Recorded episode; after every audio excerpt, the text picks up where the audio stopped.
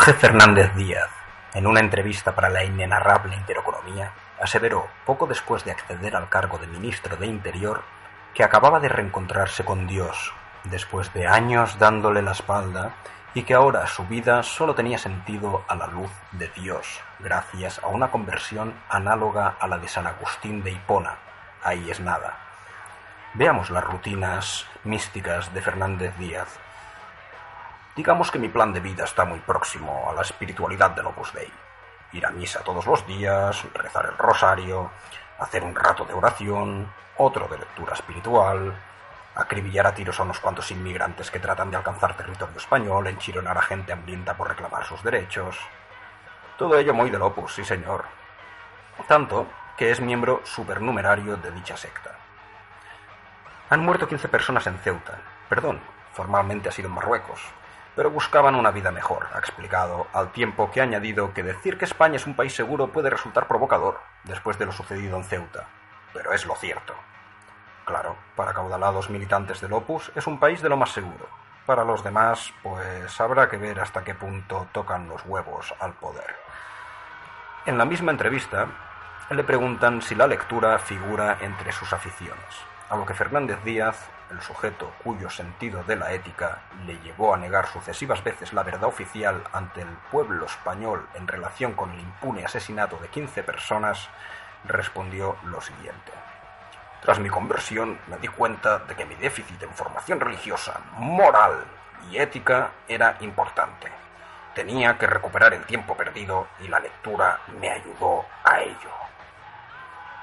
Su desarrollo ético es tal que el hombre cobra 1.800 euros mensuales en concepto de alojamiento pese a vivir en la sede de interior. Como San Agustín de Hipona, vamos. Acto seguido, Fernández Díaz detalla los pormenores de la experiencia religiosa que le llevó a alcanzar la entelequia de la moralidad y la sabiduría. Me encontraba de viaje oficial en Estados Unidos, invitado por el Departamento de Estado. Un fin de semana nos llevaron a Las Vegas. Allí, por medio de un gran amigo que sin duda fue un instrumento de la providencia de Dios, él salió manifiestamente a mi encuentro. Lo recuerdo y pienso en San Pablo, donde abundó el pecado, sobreabundó la gracia. Así se expresa un hombre que, junto con los suyos, quiso dar carta blanca a un nazi como Sheldon Adelson para instalar en la meseta el mayor lupanar de Europa. Así se expresa un hombre que es el máximo impulsor de la ley de seguridad ciudadana. ¿Seguridad para quién? Pregunta retórica. Sí, así se expresa el hermano de Alberto Fernández Díaz, abanderado del PP catalán, y el hijo de un militar franquista que cabalga por los mismos derroteros que su padre, varias décadas más tarde. Igualito que San Agustín, vamos.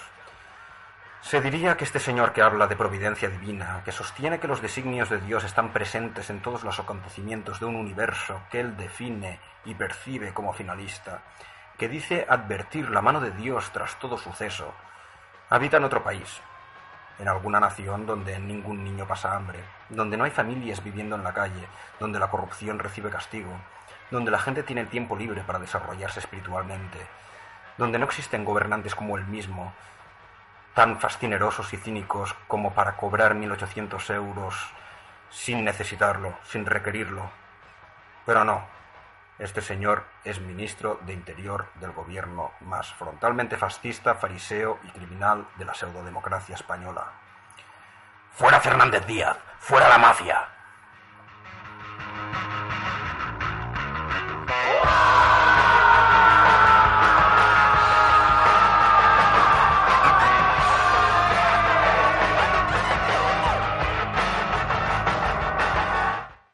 Dintre d'aquest marc no ens en sortirem, però podem canviar-lo quan vulguem. No hi ha futur